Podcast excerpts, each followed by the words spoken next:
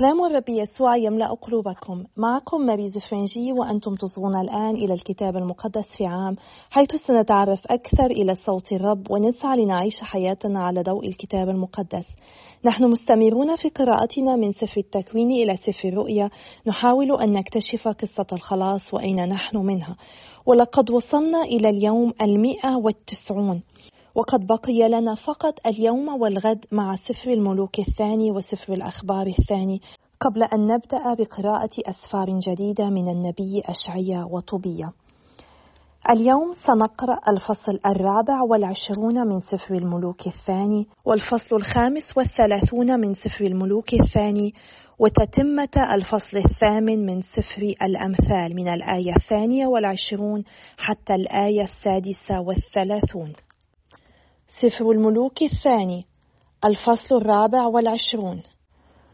وفي أيامه صعد نبوكد نصر ملك بابل فاستعبد له يياقيم ثلاث سنوات ثم عاد فتمرد عليه فأرسل الرب عليه غزاة الكلدانيين وغزاة أرام وغزاة مؤاب وغزاة بني عمون أرسلهم على يهوذا ليبيده على حسب قول الرب الذي تكلم به على ألسنة عبيده الأنبياء.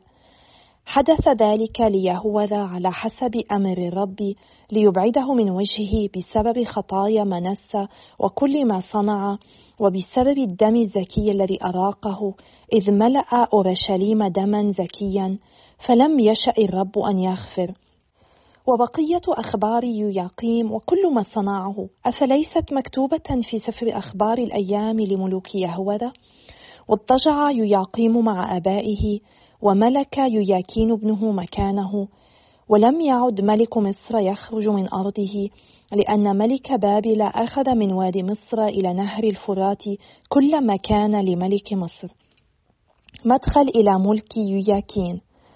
وكان يوياكين ابن ثماني عشرة سنة حين ملك وملك ثلاثة أشهر في أورشليم واسم أمه نحشت بنت النتان من أورشليم وصنع الشر في عيني الرب على حسب كل ما صنع أبوه. الجلاء الأول. وفي ذلك الزمان صعد ضباط نبوك بنصر ملك بابل إلى أورشليم ودخلت المدينة تحت الحصار ووصل نبوكد نصر ملك بابل إلى المدينة فيما كان ضباطه يحاصرونها. فخرج يوياكين ملك يهوذا إلى ملك بابل هو وأمه وضباطه وأشرافه وخصيانه. فأخذه ملك بابل في السنة الثامنة من ملكه. وأخرج من هناك جميع كنوز بيت الرب وكنوز بيت الملك وحطم جميع آنية الذهب التي عملها سليمان ملك إسرائيل لهيكل الرب كما قال الرب وجل كل أورشليم وجميع الضباط ورجال الحرب أي عشرة آلاف مجلو. وجل أيضا جميع الحدادين والقفالين ولم يبق إلا فقراء شعب تلك الأرض. وجلى يياكين الملك إلى بابل وأم الملك وأزواجه وخصيانه وكل عظماء تلك الأرض. أخذهم من أورشليم إلى بابل. وجلى جميع رجال الحرب وهم سبعة آلاف والحدادين والقفالين وهم ألف. جميعهم أبطال رجال حرب. وأخذهم ملك بابل مجلوين إلى بابل. وأقام ملك بابل متاتيا عم يوياكين ملكا مكانه وغير اسمه إلى صدقية. مدخل إلى ملك صدقية على يهوذا وكان صدقية ابن إحدى وعشرين سنة حين ملك وملك إحدى عشرة سنة في أورشليم واسم أمه حموطال بنت إرميا من لبنى. وصنع الشر في عيني الرب بحسب كل ما صنع يوياقيم. وكان ذلك بسبب غضب الرب على أورشليم وعلى يهوذا حتى نبذهم من وجهه. حصار أورشليم وتمرد صدقي على ملك بابل. سفر الأخبار الثاني الفصل الخامس والثلاثون. الاستعداد للفصح.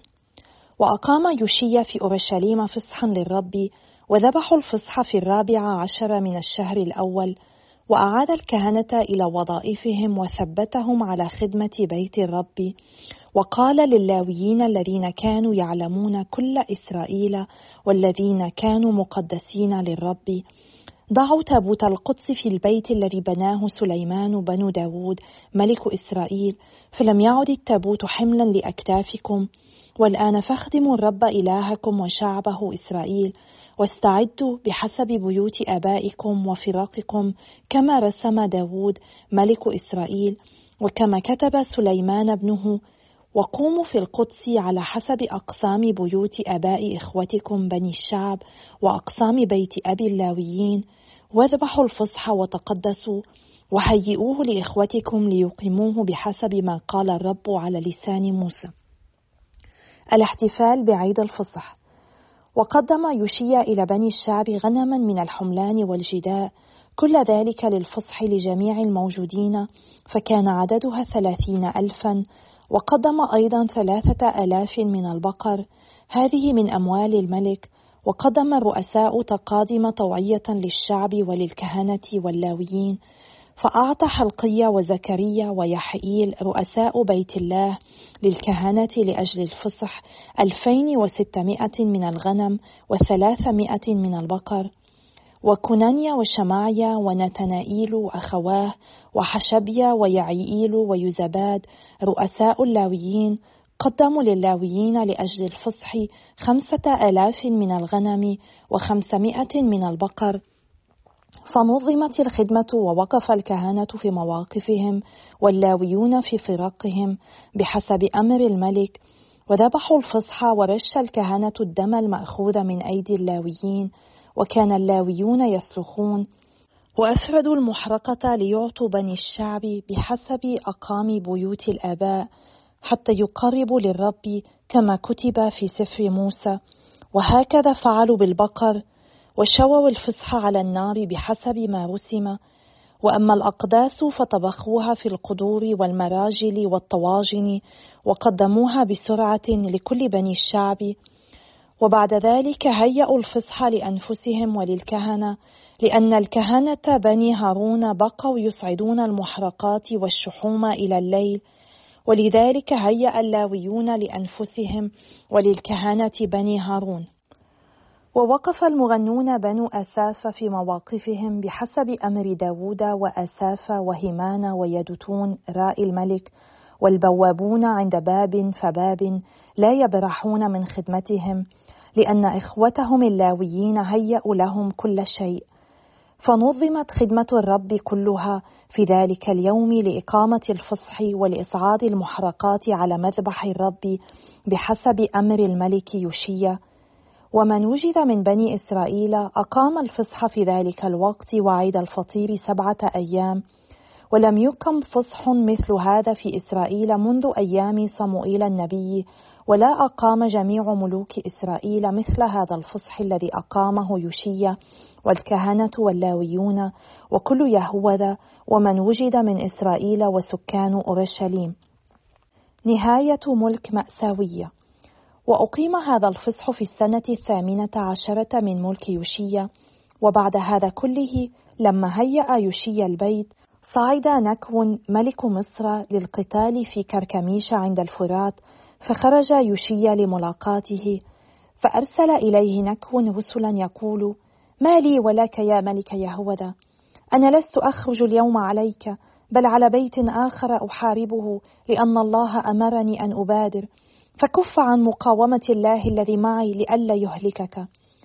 فلم يحول يشي وجهه عنه بل تنكر لمحاربته ولم يسمع لكلمات نكو عن فم الله وجاء للقتال في سهل مجد. فرمى الرماة نحو الملك يوشيا فقال الملك لرجاله انقلوني فإني قد اثخنت بالجراح فنقله رجاله من المركبة ووضعوه في مركبة أخرى كانت له وجاءوا به إلى أورشليم فمات ودفن في مقابر آبائه. فناح كل يهوذا وأورشليم على يوشيا ورث إرميا يوشيا وندب جميع المغنين والمغنيات يوشيا في مراثيهم إلى هذا اليوم وجعلوها سنة في إسرائيل وهي مكتوبة في المراثي وبقية أخبار يوشيا ومبراته على حسب ما كتب في شريعة الرب وأخباره الأولى والأخيرة مكتوبة في سفر ملوك إسرائيل ويهوذا.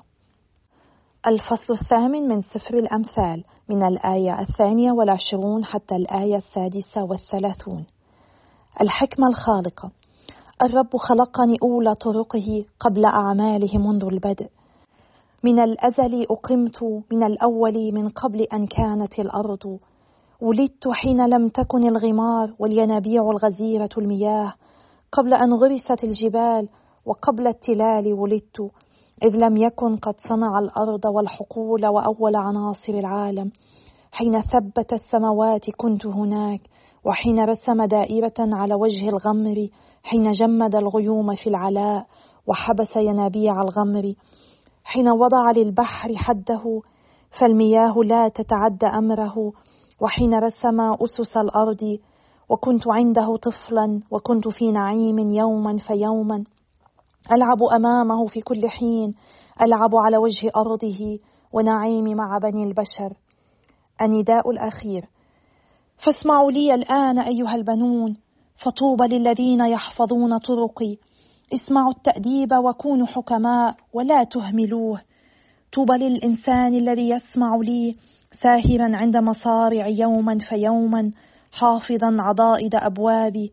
فإنه من وجدني وجد الحياة ونال رضا من الرب ومن أخطأ إلي ظلم نفسه. كل من يبغضني يحب الموت. أيها الآب الأزلي إننا نشكرك نسبحك ونمجدك. نشكرك على حكمتك التي خلقت هذا العالم.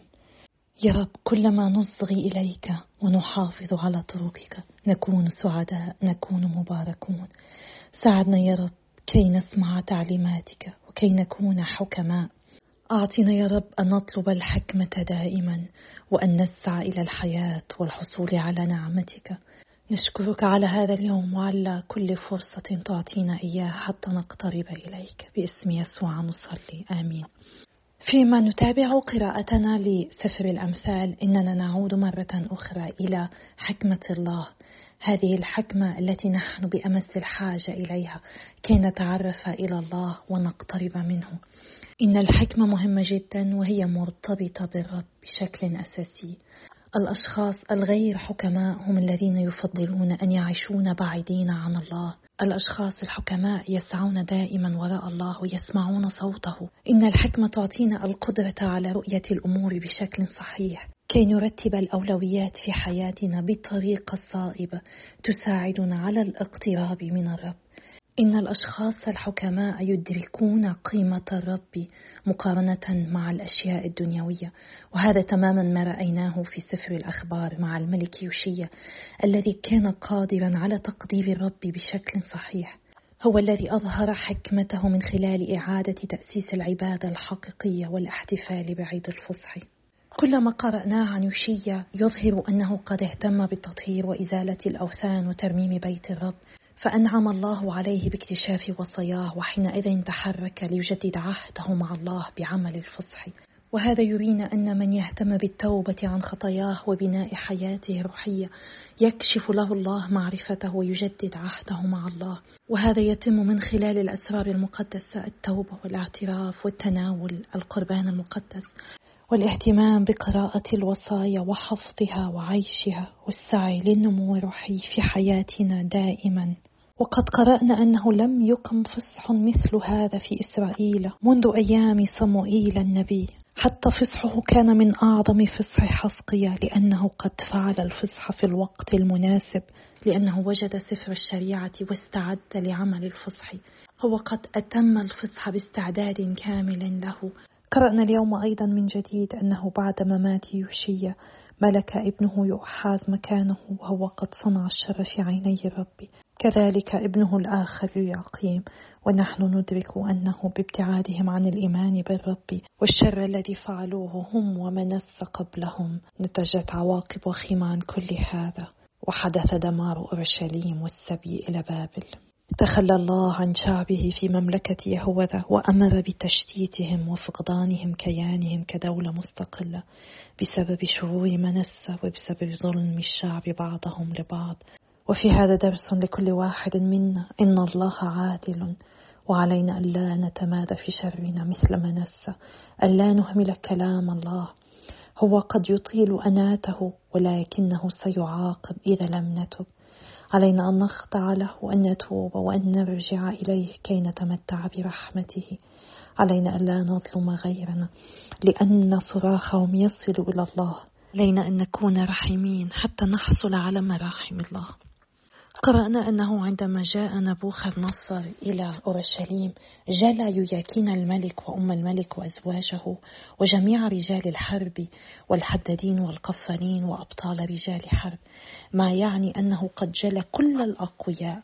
وبقي فقط في أورشليم عامة الشعب البسطاء الضعفاء والأقوياء وهكذا. أضعف المدينة فلم يوجد فيها من يثور عليه أو يحاول الاستقلال وتظل أورشليم بحاجة دائما لمعونة بابل. وأقام نبوخذ نسر متاتيا عم يوياكين ملكا مكانه وغير اسمه إلى صدقية وسنسمع أكثر عنه غدا. ولم يكتفي صدقي بعمل الشر وتضليل شعبه ولكنه أيضا في نهاية تملكه تمرد على ملك بابل فكان هذا دافعا أن يهجم عليه ملك بابل ويأخذه أسيرا ويقتل أولاده ورجاله ويدمر أورشليم ويحرقها كما تنبأ الأنبياء. أي تحقق غضب الله وتأديبه لشعبه بسبب شرورهم. وفي هذا تحذير لنا ألا نكون مراوغين وخائنين في وعودنا مثل صدقية بل علينا أن نتعهد الله دائما أن نسير معه وأن نطلب معونته حتى يساعدنا. وعندما نفشل فلنرجع إليه لأنه حنون على الضعفاء. غدا سننتهي من قراءة كل هذه الروايات ونختم قراءتنا لسفر الملوك وسفر الأخبار. سنسمع من الأنبياء أشعيا وأرميا سنعود إلى الوقت الذي كان فيه هذين النبيان يبشران ويحذران الناس من القصة الكاملة التي سمعناها للتو عن الملوك الغير صالحين والأشخاص الذين ابتعدوا عن الإيمان بالرب. لقد قرأنا الكثير عن مملكة إسرائيل في الشمال ومملكة يهوذا في الجنوب. الكثير من العنف والقتال وعدم الإخلاص. الشعب ظل غير مخلص للرب على الرغم من أن الله كان لا يزال أمينا وكان يدعوهم من خلال الأنبياء للتوبة والعودة إليه. وهذه الدعوة تتوجه لكل واحد منا اليوم وفي كل يوم لأن الرب يعطينا فرصة كل يوم كي نتوب ونعود إليه. علينا ألا نؤجل أبدا وألا نظن لأننا نحن نصيل الكتاب المقدس في عام أننا نعرف الرب وأننا على علاقة عميقة معه. للأسف هناك أشخاص كثيرون قد حفظوا الكتاب المقدس ولكنهم حفظوه في عقلهم فهموه فقط في عقلهم. هم لم يسمحوا لكلمة الرب أن تدخل إلى قلوبهم ولم يستطيعوا أن يصغوا ويعيشوها في حياتهم. لم يسمحوا لها أن تغيرهم. فلنستمر بالصلاة من أجل بعضنا البعض ونطلب من الرب النعمة كي, كي تغير كلمته قلوبنا وحياتنا. كي نصغي ونعيش كل ما يقوله لنا. فنستطيع أن نكون مخلصين له. هذا الإله الذي أحبنا ويحبنا حبا لا حدود له ويزال دائما أمينا لنا. أنا أتشكركم على صلواتكم وتشجيعاتكم وأتشوق إلى يوم آخر معكم حيث نختم قراءتنا من سفر الملوك الثاني وسفر الأخبار الثاني. وإلى اللقاء غدا إن شاء الله.